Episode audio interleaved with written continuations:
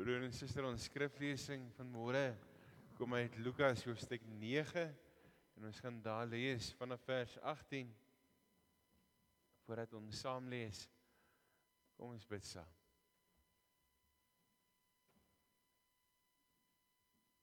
Here, dankie Here dat ons hier kan wees en kan sing Here van die goedheid dat ons kan sing Here vir U wat vir ons sorg dat ons Here ook sal reageer op u roepstem. So kom ons ook Here in hierdie oggend kom vra u Here in afhanklikheid van u breek die woord vir ons oop. Here spreek die kinders wat u in hierdie wêreld instuur. Luister. Amen. Lukas hoofstuk 9 vanaf vers 18 Op 'n keer terwyl Jesus eenkant besig was om te bid en sy disippels by hom saamgekom. Toe vra hy vir hulle: "Wie sê die mense is ek?" Hulle antwoord: "Johannes die Doper." Party sê weer Elia en party 'n profeet van die ou tyd het opgestaan.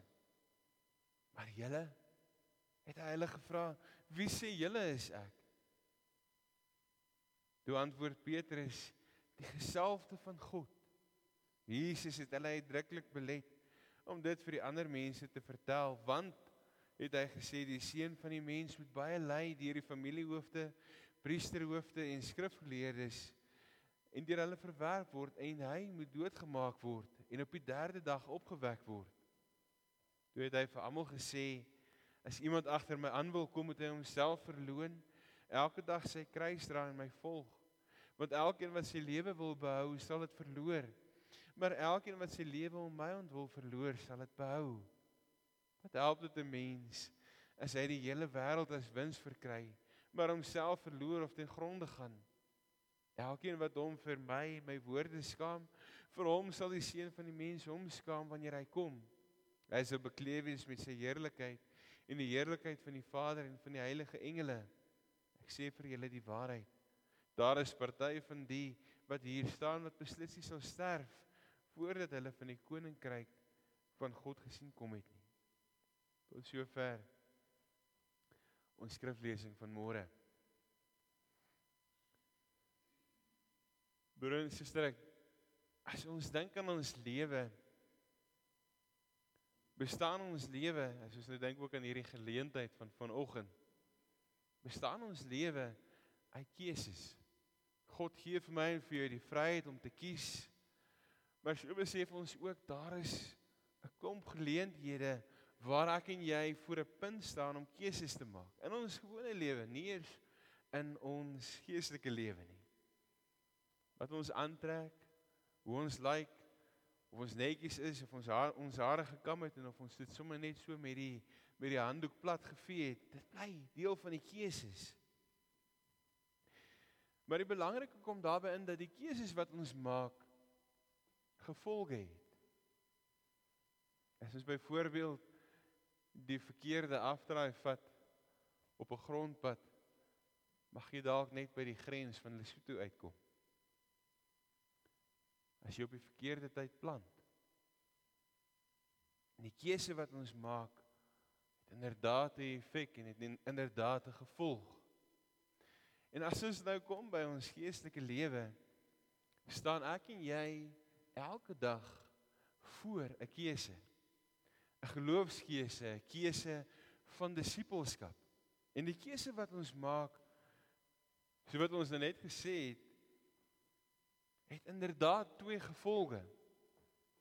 Aan die een kant kom sê dit vir my en vir jou, maar as ons bely, as ons sê ons glo, as ons sê ons wil disippels van die Here wees, sê ons vir mekaar, maar ons glo in hierdie Here.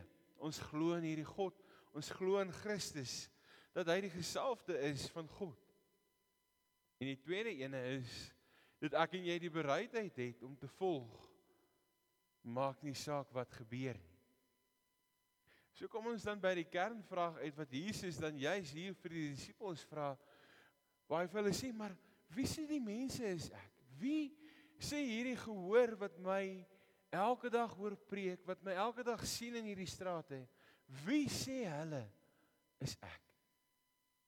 Dis die vraag van Herodes toe hy agterkom dat daar verwarring was oor wie Jesus is.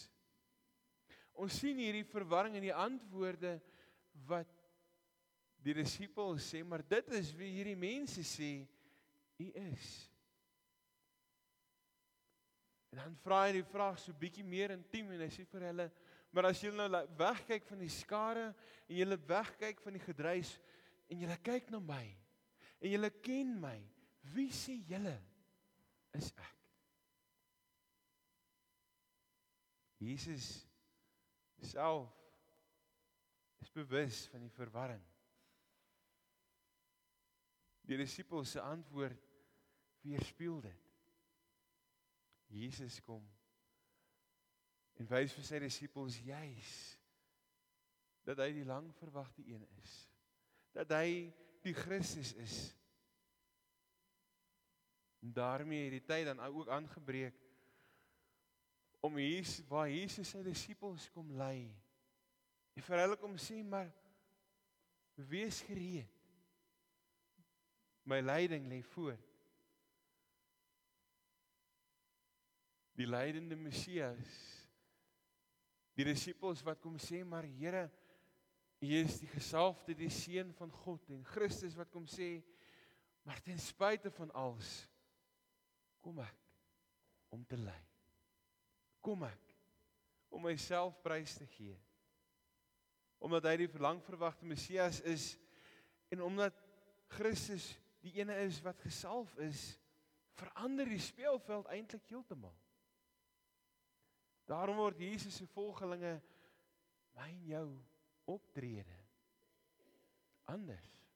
Daarom word my en jou optrede in hierdie wêreld uitgeken in die keuses wat ek en jy maak. Daarom as ons sê maar ons glo in Christus, lyk ons lewe anders, het ons 'n ander impak in hierdie wêreld. Dit beteken dat ek weier as net myself leef. Dat ek weier as net myself kyk Ek sien Christus en beleef Christus in die verhoudings wat ek met ander het. Ek beleef Christus in die manier hoe ek teenoor my man of my vrou optree. Ek beleef Christus in die manier hoe ek met my werkers omgaan. Dis hulle die dag daai ploeg of die trekker breek. Ek beleef Christus in die manier hoe ons met mekaar leef. Die belydenis wat ek en jy maak op 'n Sondag om te sê maar ek glo in Christus. Glo in God die Vader, ek glo in die Heilige Gees kan nie net woorde wees nie. Dis meer as dit.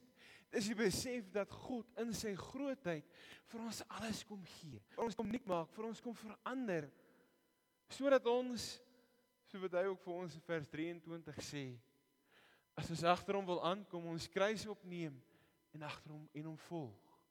Dit kan nie net woorde wees nie. Dit kan nie net gebou wees op iets wat nou maar net op 'n Sondag gebeur nie.